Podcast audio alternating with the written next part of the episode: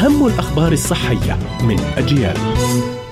إليكم موجز لأهم الأخبار الصحية.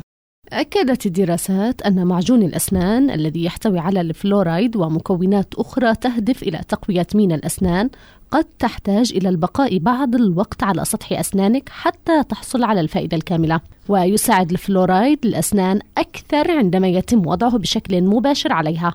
ويوفر الفلورايد الذي يبقى على أسنانك لعدة دقائق أطول فائدة أكبر. لذلك عندما تشطف أسنانك بالماء مباشرة بعد التنظيف بالفرشاة فإنك تقلل من التأثير المفيد له.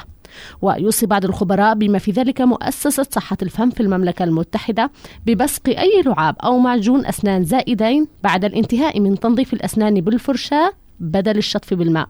منظمة الصحة العالمية تؤكد أن عدد حالات الإصابة بمرض جذر القرود في أنحاء العالم قد تزايدت بنهاية يناير كانون الثاني الماضي لكن الإصابات لا تزال متدنية. وتوفي 89 شخصا منذ بداية عام 2022 وحتى 30 يناير كانون الثاني الماضي. أكد فريق بحثي من المعهد الوطني للصحة وأبحاث الرعاية التابع لجامعة مانشستر البريطانية أن شمع الأذن يؤثر في القدرة على التواصل مع الآخرين ويجعل من الصعب الاستماع إلى التلفزيون أو سماع أصوات البيئة المحيطة كما يمكن أن يؤدي إلى شعور بعدم الراحة أو الطنين داخل الأذن. ويتكون شمع الأذن من خلايا جلدية متساقطة وإفرازات الغدد الشمعية التي تقع داخل الأذن الخارجية. كانت هذه أهم الأخبار الصحية قرأتها رزانة طه.